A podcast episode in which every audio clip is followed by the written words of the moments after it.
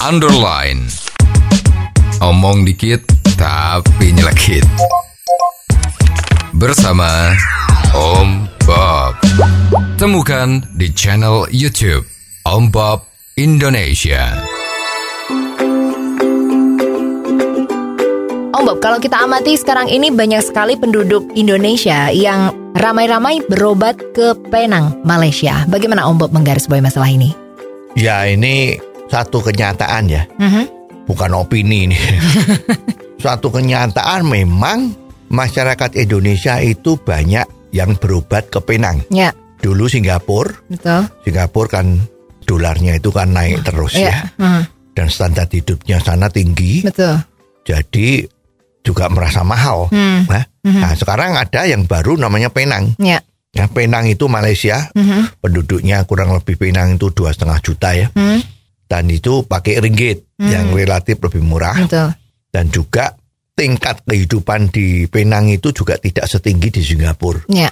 Tapi dokter-dokternya juga lulusannya top-top. Mhm. Ya, jadi masyarakat Indonesia banyak yang ke sana. Mhm. Ya, ada yang berpengalaman, dia melakukan di Indonesia, Mhm. biayanya cukup tinggi, ya, Ya. mahal. Sekarang Indonesia kalau di rumah sakit yang bisa dihitung kelas utama lah ya, kelas premium, itu harganya juga tidak murah. Mhm. setelah dilakukan pengobatan di Indonesia di diagnosa Ya. dipikir-pikir itu wah ini kok jadi mahal. Terus dia pergi ke Penang. Mhm. banyak informasi-informasi tentang dokter-dokter dan rumah sakit di Penang tuh yang beredar di masyarakat di Indonesia ya.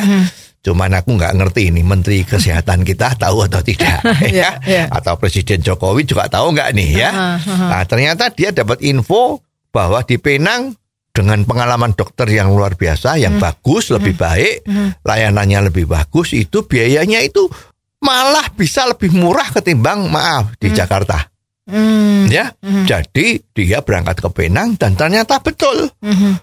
Kalau di Indonesia dikatakan tadi itu di Jakarta ya, Ya. bahwa ini harus mondok di rumah sakit berapa lama gitu. Ternyata di sana lebih pendek waktunya. Hmm. Ya. Jadi tindakannya lebih cepat dan lebih meyakinkan sehingga pasien itu merasa puas Hmm. dan tidak mau lagi besok kalau mau kontrol nggak mau lagi di Jakarta, maunya juga di Penang. Hmm. Dan seperti kita ketahui pesawat terbang Medan Penang itu sehari kan kurang lebih ada sembilan kali, ya. Jadi betapa banyaknya turis Indonesia, Mhm. maksud saya turis yang berobat ya, itu hampir memenuhi rumah sakit-rumah sakit semua dan hotel-hotel yang ada di Penang. Hmm.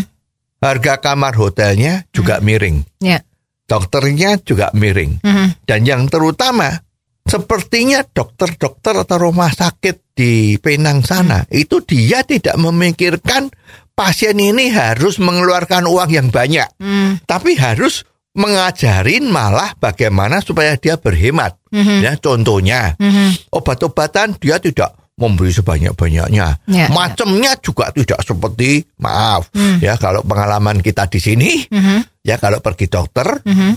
obatnya itu pasti lima atau enam macam ya dan harganya masih mahal-mahal Mhm. dan yang dipertanyakan kan kenapa kok obat itu dari satu pabrik Hmm. jadi kalau lima macam loh ini kok pabriknya sama semua nah ini ada apa ya ini kan banyak orang tanda tanya ya Ya.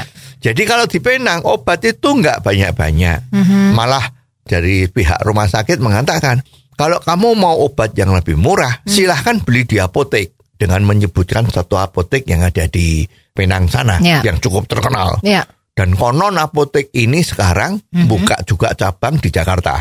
Hmm. ya?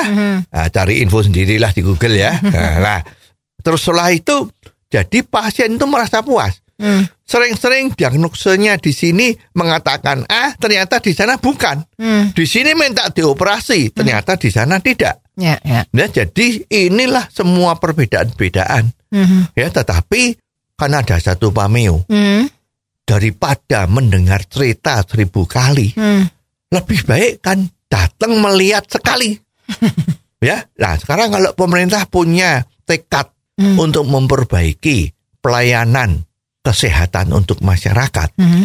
dan di mana Indonesia oleh masyarakatnya sendiri sudah dicap bahwa kalau berobat di Indonesia itu bukan jalan yang terbaik ya. Mestinya Ya. jangan percaya ya kan dari Departemen Kesehatan itu. Ya. Harus kirim orang Hmm. ya semacam kalau di dunia manajemen yang populer itu kan yang namanya mystery guest. Ya. Kirim Ya. pejabat dari Departemen Kesehatan itu pergi ke Penang. Mhm. Pura-pura sakit. ya enggak lah, pokoknya cari saudara yang siapa yang punya sakit, Mhm. terus diantar, dibayari sama Departemen Kesehatan, berangkatlah ke Penang. Hmm. Bagaimana pelayanannya sana? Ya. Enggak usah rumah sakit yang mana, random aja deh. Hmm. Ya, semua rumah sakit di sana ada banyak. Ya. Itu rata-rata memang kualitasnya bagus dan tidak mahal. Hmm. Lah baru pejabat dari Departemen Kesehatan ini bisa memberikan rekomendasi yang berdasarkan pengalaman sendiri. Ya. Buktikan sendiri, berangkat ke Penang, bagaimana rumah sakit dan dunia kesehatan pengobatan di sana. Ya. Itulah ya setelah berangkat ke sana, mempunyai pengalaman, diterapkan di Indonesia. Pasti Indonesia akan lebih maju kok. Oh, jadi begitu ya Om Bob. Jelas deh sekarang.